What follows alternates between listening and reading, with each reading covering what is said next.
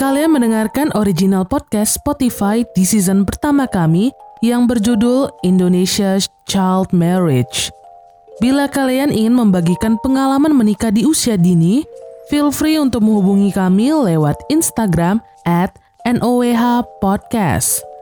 Selamat menikmati episode pertama kami hanya di Spotify News on Womanhood.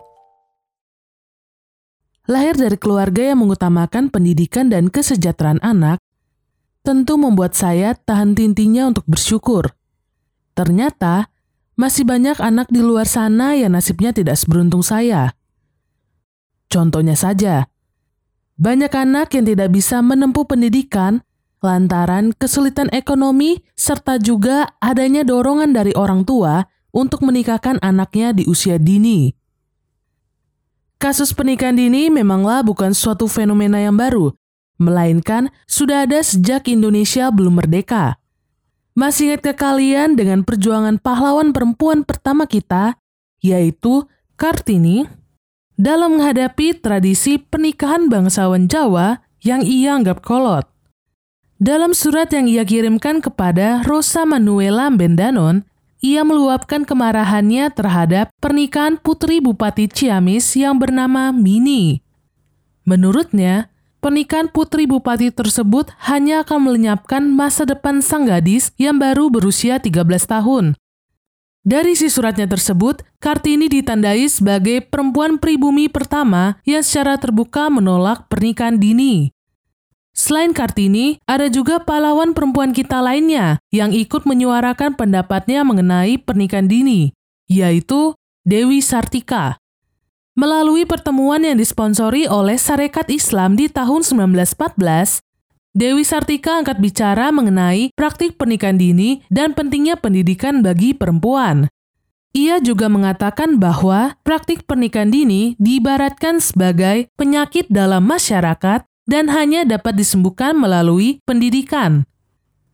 Nampaknya kegelisahan para pahlawan perempuan belum berakhir. Menempati posisi ketujuh dengan jumlah pernikahan anak tertinggi di dunia dan nomor dua se-ASEAN, tentunya membuktikan bahwa eksistensi pernikahan dini belum surut dan masih perlu adanya perjuangan dalam menghentikannya. Selain itu, tingginya angka pernikahan dini ini juga membuktikan bahwa masih kurangnya kesadaran masyarakat akan pentingnya pendidikan untuk anak. Dali-dali memegang ijazah, para pasangan anak terpaksa harus memegang buku nikah di usianya yang muda. Pernikahan dini ini tidak hanya mencuri masa kecil sang anak, melainkan juga dapat merebut hak anak. Sedihnya, pernikahan dini juga terjadi di kotaku kota Balikpapan. Ya, meskipun angka pernikahannya tidak sebanyak di Kutai Kertanegara, Pasir maupun Samarinda, tetap aja ini nggak boleh dibiarkan. Salah satu daerah di Balikpapan yang saya temukan melakukan pernikahan dini, yaitu di Kampung Buton, Ruku Tetangga 24 Balikpapan Selatan. Di sana, saya mengumpulkan lima perempuan berbeda generasi yang pernah melakukan pernikahan dini. Dan karena lagi pandemi serta harus mengikuti protokol kesehatan setempat, sangat disayangkan saya tidak bisa mengunjungi rumah masing-masing dari mereka dan hanya melakukan wawancara di rumah PRT saja.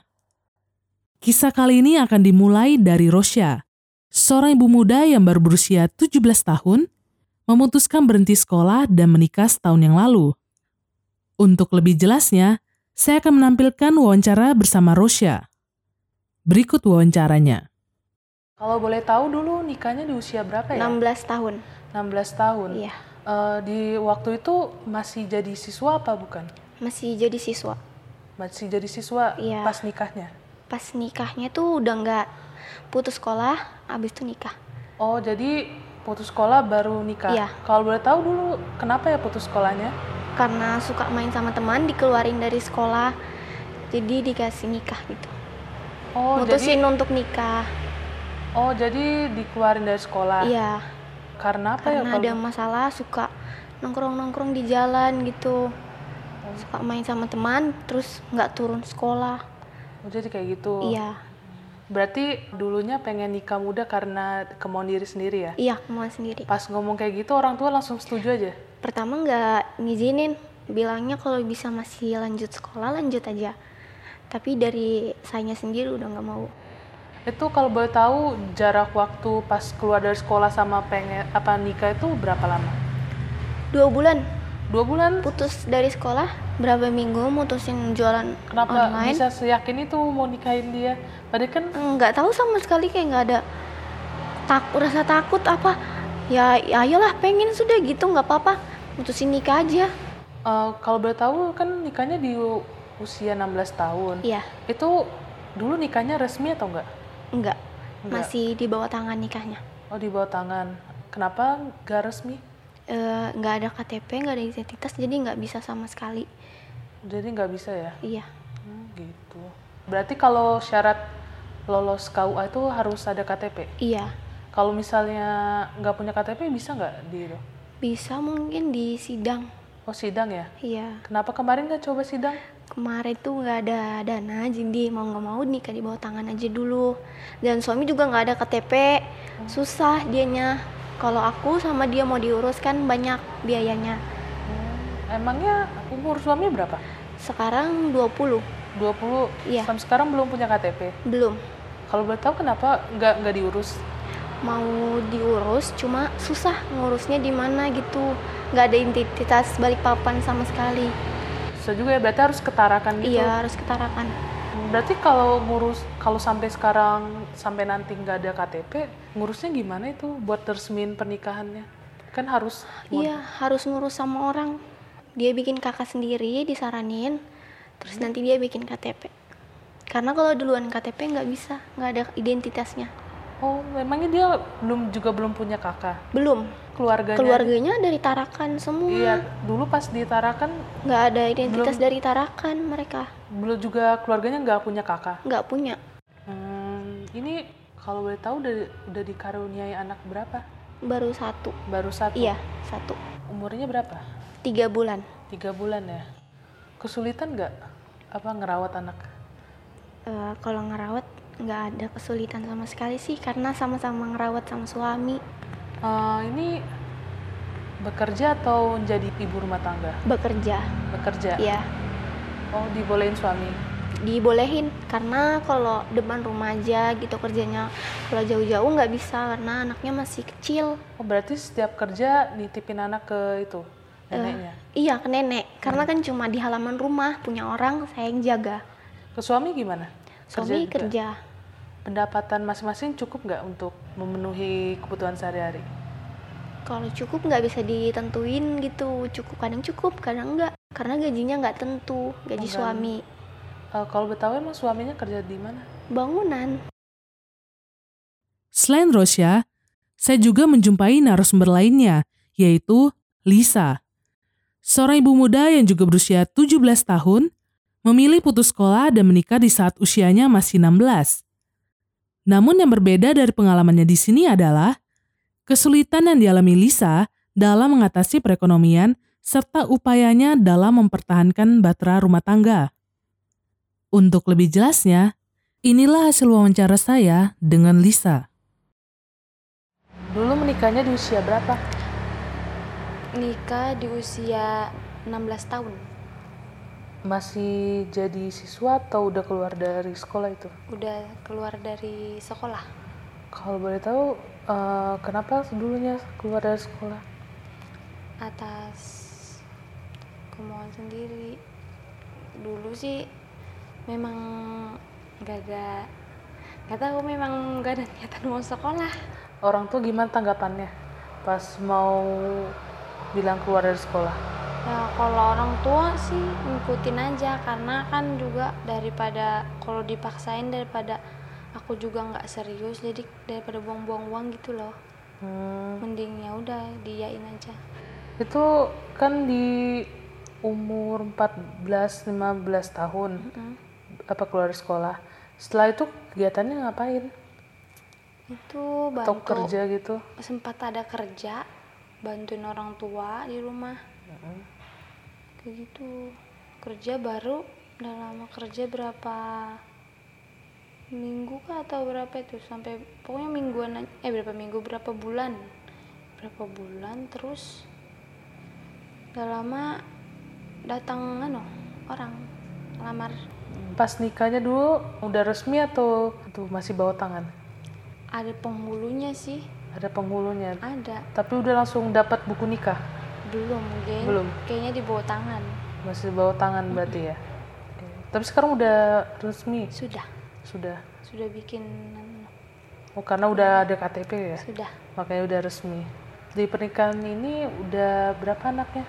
satu Satu. Berapa usianya sekarang? 9 bulan Oh, 9 bulan masih kecil ya. iya Kan umur, umur kamu masih muda tuh. Kamu udah tahu nggak gimana cara ngerawat anak dulunya? diajarin sama orang tua. Eh sekarang belum tahu. Ada kesulitan nggak? pas pertama ada. Cara Sempat mandiin. stres nggak waktu? Kan kalau bayi umur masih satu mingguan pasti rewel banget gitu. yang ini alhamdulillah enggak rewel. Enggak Dia- rewel, iya, jadi orangnya pendiam. Mulai dari Oh. bayi enggak enggak rewel. Cuman kalau dia rewelnya tunggu mau minta susu makan dah itu doang eh, ini kamu selama menikah ini pernah bekerja atau jadi ibu rumah tangga aja? jadi ibu rumah tangga aja Belum pernah punya pengalaman kerja gitu selama menikah? selama menikah enggak enggak Nggak pernah ada. Ada pengen kerja nggak? ada tapi mau taruh di mana anak gitu mikirin anak Kenapa nggak dititipin ke mertua? Nggak enak ya? enggak enak Terus suami kerja? kerja Tapi bisa nggak eh, apa nutupin biaya walaupun cuma suami aja kerja? jujur nggak cukup sejujurnya nggak cukup gajinya itu cuman satu setengah doang Oh, kerja apa pengen suami? bantu cuman nggak tahu anaknya mau ditaruh di mana gitu loh Emangnya suami kerja apa? cleaning service Biasanya kalau kayak gitu nutupinnya gimana? minta sama orang tua Minta sama orang tua. Emang eh, berapa bersaudara? enam Anak keberapa? anak keempat Keempat. Berarti masih ada adik di bawah. ada Hmm. Nggak pernah coba minta ke kakak dulu. Kalau misalnya lagi kekurangan, minta ke bantuan ke kakak. kalau sering sih mau minta cuman kadang kalau mau minta selalu di- selalu dinasehatin selalu dinasehatin kayak gini dia bilang coba pisah aja gitu nah katanya gitu. Kenapa? katanya pisah aja soalnya suaminya nggak bisa nggak bisa cukupin anak sama istrinya katanya gitu. Kata ma- mama juga kadang ngomong kayak gitu bapak kayak gitu. Tapi yang namanya orang sayang pasti nggak nggak mau ngikutin orang tua Heeh. Lagian juga anak masih kecil. Mm-mm.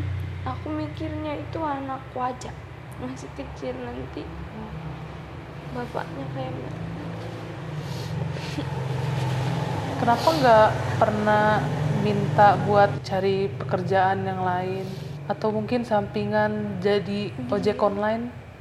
pas itu sempat ada dia jadi gojek cuman itu akun temannya Heeh.